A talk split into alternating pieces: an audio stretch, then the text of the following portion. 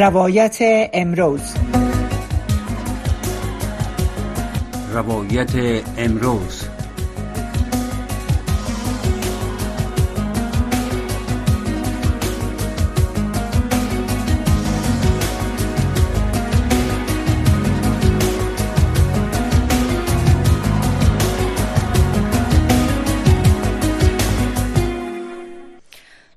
شنوندگان محترم برنامه روایت امروز. سلام به شما. لینا روز به میزبان برنامه این ساعت هستم.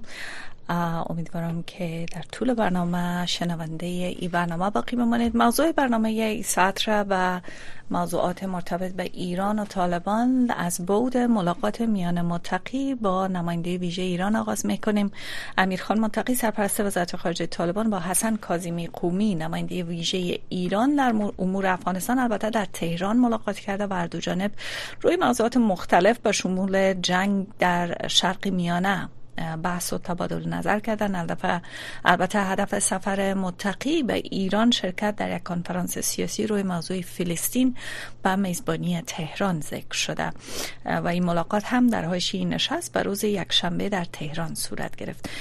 تحلیل سفر و اهمیت این نشست و به خصوص حضور سرپرست وزارت خارجه طالبا در این نشست موضوع صحبت است که در برنامه ساعت خواهیم داشت. تحلیل این موضوع از آقای آصف مبلغ تحلیلگر امور منطقه مشتیم که مکنون از طریق تلفن و از ترکیه با ما هستند. آقای مبلغ سلام با شما. ممنون و سپاس از اینکه وقت خود را در اختیار برنامه گذاشتین. با سلام و درود خدمت شما و شنونده های محترم شما و سپاس از شما به خاطر وقتی که به من دادید ممنون و سپاس از شما. آقای متقی در حال در تهران است که ایران از زمان آغاز تهاجم اسرائیل بر فلسطین به خصوص از آغاز مأموریت زمینی اسرائیل در غزه مکررا به کمک به حوسی ها و همکاری با اونا متهم شده. حوسی ها یک کمپین هدف قرار دادن کشتی های تجارتی را در آبهای نزدیک فلسطین آغاز کردن و میگن که تا زمانی که تهاجم اسرائیل ادامه پیدا کنه بر غزه ای کار ادامه میتن البته اتهام ایران رد می‌کنه. برن موضع ایران در قبال اسرائیل کاملا واضح است. ولی حکومت طالبان تا با تقبیه عمل کرده تاجم اسرائیل بر غزه قدم فراتر از او را تاکنون بر نداشته. با نظر داشته تفاوت ها در پالیسی های هر دو حکومت رژیم ایران که علیه ایالات متحده است و رژیم طالبا که کوشش می‌کنه نام مشروعیت را در چشم نه تنها ایالات متحده بلکه جامعه جهانی کسب کنه. به نظر شما یا احتمال هماهنگی بین نظریات دو جانب در قبال موضوع فلسطین میره یا خیر؟ خب من فکر می‌کنم به همون شکل که شما گفتید تفاوت بارز را ما شاهد هستیم در نحوه برخورد گروه طالبان و مخصوصا در سطح رهبری این گروه از جمله ملاحبت الله و افراد از این دست. ما کمترین واکنشی را در قسمت حملات اسرائیل به غزه و کشتار غیر نظامیان و حوادث بسیار دردناکی که در اونجا اتفاق افتاد شاهد نبودیم. ای در حال هست که خب رقابت ها و جنگ سرد و گرم بسیار بسیار شدید بین ایرانی ها و اسرائیلی ها در جریان بوده و هست و من فکر می‌کنم که این تفاوت دیدگاه وجود دارد. طالبان پرگماتیک عمل می‌کنه و آنچه که در حوزه منافع خود طالبان هست که از لحاظ به اصطلاح بالانس بین کشورهای غربی و همچنین او توقعات را که از اونها در حوزه عالم اسلام میره سعی کرده که به اصطلاح منافع کلان خودش را که در پیوند با غرب تعریف کرده سر مسائل مثل غزه یا فلسطین به باد ندهد و یا حداقل مورد خشم و نفرت کشورهای کلان غربی از جمله آمریکا که امروز کمک های کلان را تا سطح 480 میلیون دلار در هفته قبلا از 40 میلیون دلار بحث می شد ولی وقتی که نمایندگان سنا رقم اصلی کمک ایالات متحده به طالبان را فاش کردند مشخص شد که تا حالا بالغ بر 11 میلیارد دلار به طالبان کمک اعطا شده اینا بله. نمی‌خواین که این منافع کلان از دستشان بره و یا به خطر بیفته در مقابل اما ایرانی ها سیاست ایدئولوژیکشان را مبتنی بر شعارهای مثل مبارزه با اسرائیل مبارزه با غرب مبارزه با آمریکا تدوین کرده و در این راستا تلاش های را انجام داده از جمله همانطوری که شما اشاره کردید بحث تجهیز حوسی های یمن حزب الله لبنان گروه حماس که آقای یحیی سنوار رهبر فعلی گروه حماس در غزه اذعان کرده به این مسئله. خیلی ایرانی ها علاقمند هست که در این قضیه یارگیری بکنه و یا مجموعه های مختلف را در کنار خودش داشته باشه بله. های تفریده را به عربستان سعودی نشان دادن اما من تردید دارم که طالبان واقعا به اون روایتی که ایرانی ها قائل هستند اعتقاد داشته باشند بله. خب از سوی دیگه اگر برگردیم به حکومت طالبان حکومت طالبان به نوع نیازمند کسب مشروعیت هست به نظر می‌رسه. و روز به روز با تصامیم حکومت طالبان گرفتن به خصوص محدودیت های وضع شده بر زنان کسبی مشروعیت از جانب جامعه غربی تقریبا غیر ممکن به نظر می‌رسه. و طالبان هم هیچ گونه نرمی را در موضع خود به سمتی موضوعات تا کنون بروز ندادن. آیا احتمال از این میره که طالبان اندک اندک به سمت مثلث قدرت آسیا که معمولا روسیه چین و ایران جزو از او هستند تمایل پیدا کنه؟ برای کسب مشروعیت اگر جان غرب به اونو نبگویه و از سوی دیگه طالبان با در نظر داشته نظریات مذهبی و عقایدی که خود از اونا دارن احتمال همکاری با ایران به شکل پنهانی در قبال فلسطین امکان از این هست یا خیر بین حکومت طالبان و حکومت ایران ببینید بارها در میزهای مختلف ما از هم لابه های طالبان هم از شخصیت های کلان اینا شنیدیم که بله. هیچ وقت در افغانستان جای آمریکایی ها را کشورهای مثل چین یا روسیه و یا ایران نمی‌تونه پر بکنه اینها بله. به صراحت بارها اعلام کرده که در معادلات بین المللی جای کشورهای کلان مثل آمریکا و کشورهای غربی را نمی‌تونه کشورهای منطقه‌ای پر بکنه شما از کمک هایی که چینای ها انجام داده تا حالا طالبا و کمک های که ایالات متحده آمریکا انجام داده. این بالانس را می‌تونید تا حدود متوجه شوید. و این طالبان متوجه هستند. بنابراین من فکر نمی کنم که طالبان یک شبه به اصطلاح بیاید و منافع کلان را که اونا در پی او هستند را به خطر بندازند. بیشتر طالبان در افغانستان و در منطقه دیدگاه های استراتژیک دارن که دیدگاه بله. های استراتژیک خودشان در, در حمایت کشورهای کلان ممکن هست به ظاهر شعارهایی که شما می‌بینید را مثل به اصطلاح جهاد علیه آمریکایی ها و هر آن چیز دیگه که اونا برای قشر پایین خودش به عنوان خوراک فکری تهیه می‌کنن بیان بکنن اما واقعیت این هست که بسیار خوش رانه می‌فهمند که جای آمریکایی ها در افغانستان نه کشورهای منطقه می‌تونه پر بکنه. بله. و نه هم اگر در تقابل قرار بگیره می‌تونه که اصطلاح از این تقابل بر بیاید. بنابراین من بعید می‌دانم که این نزدیکی به حد یک به اصطلاح همکاری استراتژیک تبدیل شود بین چین و روسیه و طالبان. بله. در قبال حکومت طالبان روابط طالبان حال و یکی دیگه از همسایه که پاکستان است. بنابراین به نظر می‌رسه که با تنش هم راست. گرچه برخی تحلیلگرا به این نظر هستند که تنش سطحی است و را تأثیری روی روابط نزدیک طالبان با پاکستان از خود بار جای نمی‌گذاره. ولی حکومت پاکستان مکررا طالبان را متهم و جای دادن گروه تحریک طالبان پاکستان و عدم عملکرد مثبت به سمت گروه متهم کرده و متعاقب از اون ماجرین افغان را که فاقد سند حسن مجبور به ترک آن کشور ساخت. فکر می‌کنین این موضوع بتانه به نوع حکومت طالبا را با ایران نزدیکتر بسازه یا خیر؟ ببینید من به وضوح چندین بار این مسئله رو مطرح کردیم که ما در تحلیل پاکستان دچار خطا نشویم. بله.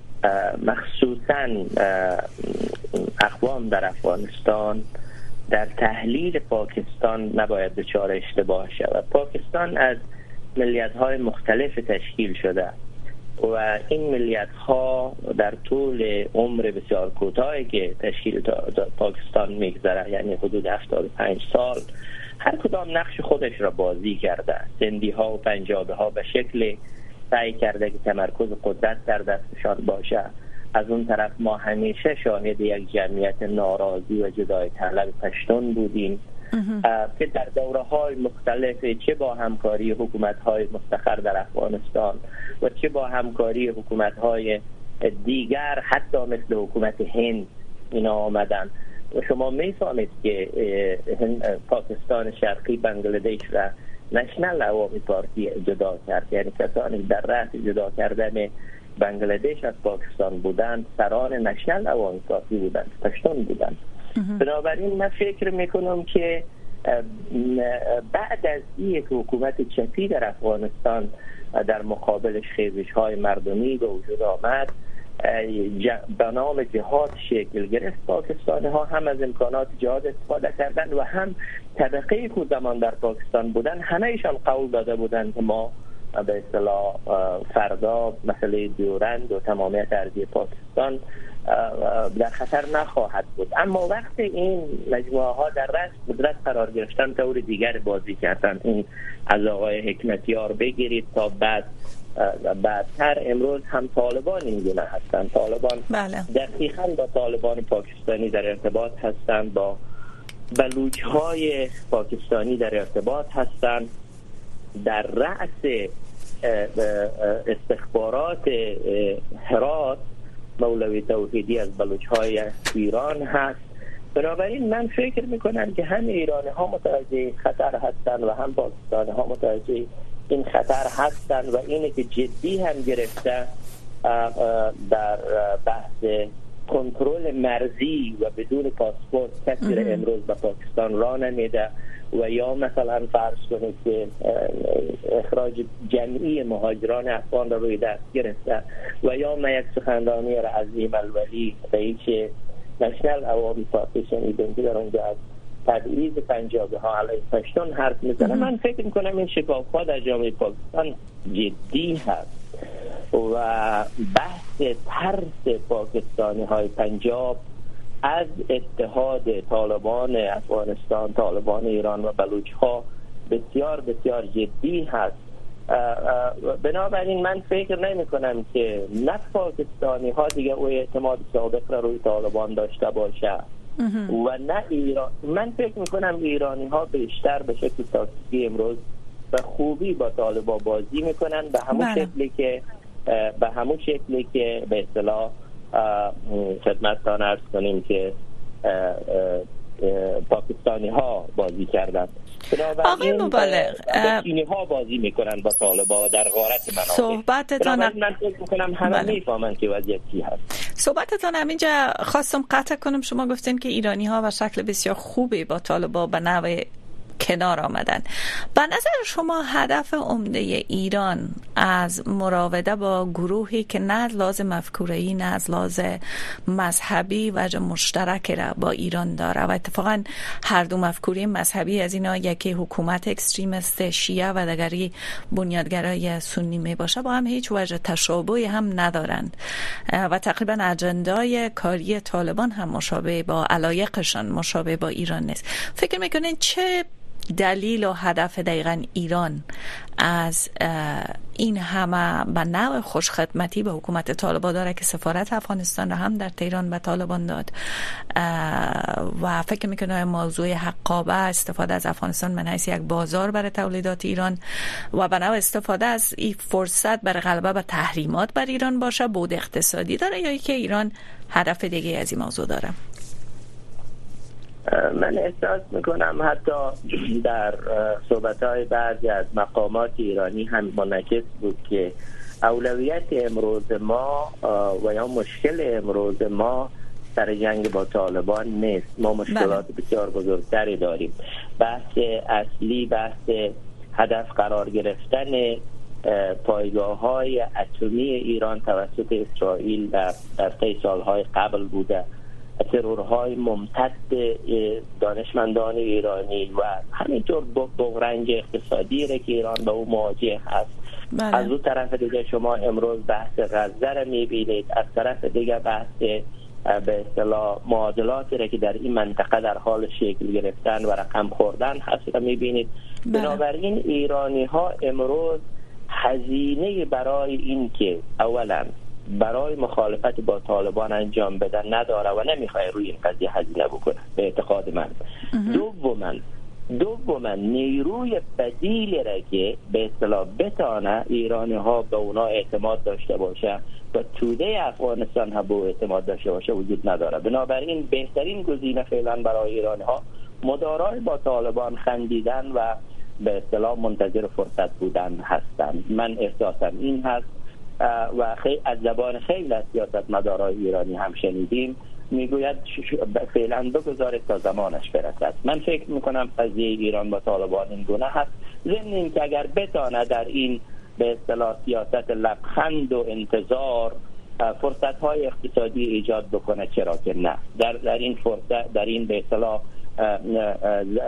وقفه لبخند و انتظار اگر بتانه مفاد برای ایران جلب بکنه چرا که نه. اما اینه که به شکل استراتژیک به طالبا به عنوان یک حکومت دوامدار ببینه من فکر می‌کنم نه ایرانی ها می‌بینن نه چینی ها و نه روس ها ببینید چینایی ها چرا وارد معادن افغانستان میشه؟ با اینی که ممکن هست این تداوم پیدا نکنه چرا که عقد قرارداد با حکومت مثل طالبان که رسمی نیست هیچ گونه الزام برای حکومت های بعدی نخواهد داشت. و دلیل اینکه امروز را می‌بینم و قرارداد نفت آمور و در رسانه های مختلف نشر کردم نشان دادم که به اصطلاح روزنامه نیکی ایژیا ژاپن متن کاملش را نشر کرده بود و در آنجا سحن افغانستان 20 فیصد از نفت آمور. 80 به هیچ کشوری هیچ حکومت مقتدر ملی سرمایه ملی خودش را قرارداد نمی‌کنه. بنابراین برای اینها فرصتی هست. هم فال هست هم تماشا. ببینن که در آینده چی میشه. بله. در قبال حکومت طالبا وقتی موضوع فلسطین و جنگ اسرائیل مطرح شده بود به نوعی طور که شما گفتین که حکومت طالبا در طول دو سال و اندی که روی قدرت هست یکی از ضعیفترین حکومت ها در قبال دیپلماسی خارجی تلقی میشه. ظرفیت حکومت طالبا در هر سکتور گفته میشه که پایین است. ولی به نظر شما این سکوت عمدی هست؟ یعنی طالبان می‌کشند تا به نوع خود را وقف وقف بتن به تقاضایی که جامعه جهانی از اونا به خصوص در قبال مبارزه با تروریسم و دهشت افکنی داره یا ای که واقعا اونا در قبال موضوع اسرائیل و فلسطین خونسا هستند طالبان همیشه ثابت کرده که برخلاف آنچه که به اصطلاح تصور می‌کنه مردم از بیرون که یک جبهه یک دست هست این گونه نیست. بله. ببینید امروز ما طالبان مجموعه های را در خط طالبان داریم که اینا کاملا دموکرات بودن. مجموعه های داریم که تماما در خط چپ بودن. بله. از آقای استانکزی بگیرید تا باقی کسانی که اینا یکی از به اصطلاح آدم های اسم رسم دار در, در جنبش چپ بوده. بنابراین من امروز طالبان در فقط یک حرکت خالص مذهبی نمی بینم بلکه من تلفیق از به اصطلاح نشنالیزم و به اصطلاح مذهب می بینم و, و, و این حرکت سیاسی امروز بیشتر به منافع باندی خودش میاندیشه تا شعارهای ایدئولوژیک. بله برای راضی نگه داشتن قشر پایینه که اینا مردم عادی جوانای به جنگی و سربازان عام بشان باشه مسائل بله. مذهب ممکن هست جذابیت داشته باشه اما در سطح رهبران میانی طالبان من فکر می‌کنم که این منافع هست که بر شعارهای ایدئولوژیک میچربه بله. شما روی موضوع تضادها در طرز فکر و مفکوره اعضای طالبا اشاره کردین. بارها با خصوص در قبال حکم طالبا برای محدودسازی زنا من تحصیل و کار برای زنا تضادها در نظریات مقامات طالبا وجود داشته که گفتن آقای استانگزای حمایت می‌کنه از تحصیل دخترها ولی برخی از دیگه از اینا نه. در قبال بنیادگرایی و افرادگرایی هم اعضای بسیار افرادگرایی در حکومت طالبا هستن. اعضای شبکه حقانی که هنوز شبکه تروریست شناخته شده در جهان است. به نظر شما کم کم این موضوعات تنش های داخلی البته ما در مورد جنگ فلسطین صحبت می‌کنیم ممکن احتمالا بعضی اعضای مقامات طالبان هستند که خواهان موضع قوی تر حکومت طالبان در قبال این موضوعشان برخی مخالفش هستند. این تضادها در آخر به نظر شما حکومت داری طالبان را به کجا خواهد کشان خب ببینید بعض تضادها هست که تضادهای بنیادی هست. بله. در کتاب آنتونیو جیوسوزی از فرار ملاحبت الله در سال 2017 بر اثر اختلافات شورای کویته و شورای میرانشاه سخن به میان میآید. یعنی ملاحبت الله در ماه جون فرار می‌کنه به مشهد و تا ماه آگوست حدودا در مشهد مهمان ایرانی ها هست. و به همین دلیل هست که رابطه بین شورای کویته و شورای مشهد از اینجا قایم میشه. این این اختلافات بوده و هست و امروز هم شما مجموعه های متحد به ملاحبت الله را دارید که سدیدن سعی می‌کنه تمرکزگرایی را حفظ بکنه.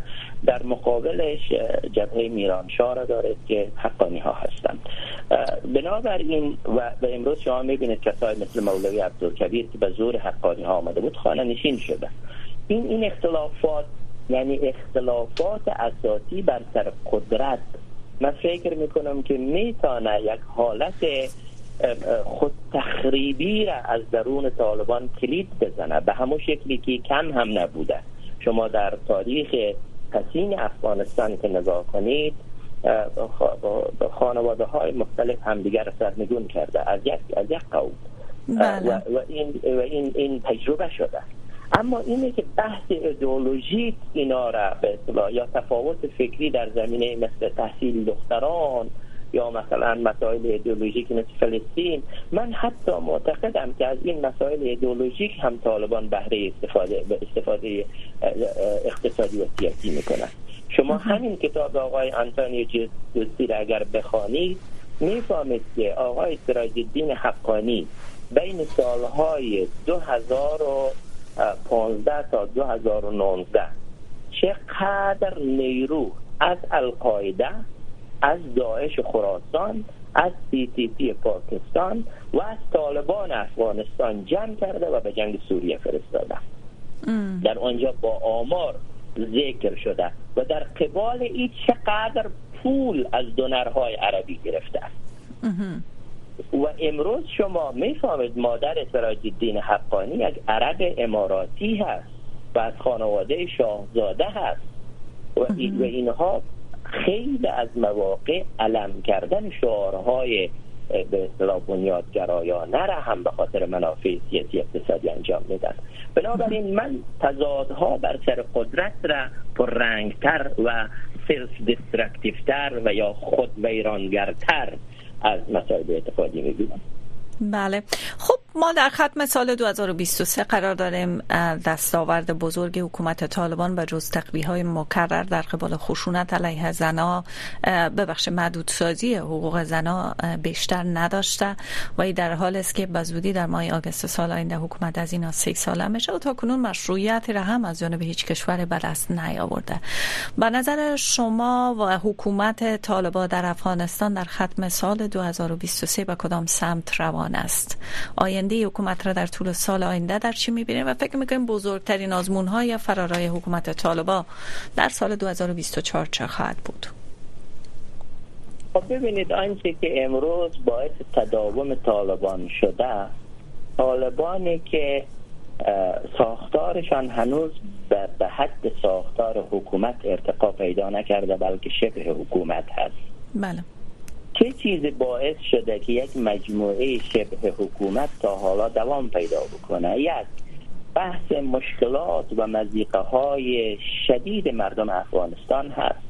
وضعیت فعلی پرتنش و پراولویت جهان هست. وضعیت پرتنش منطقه ما و شما هست.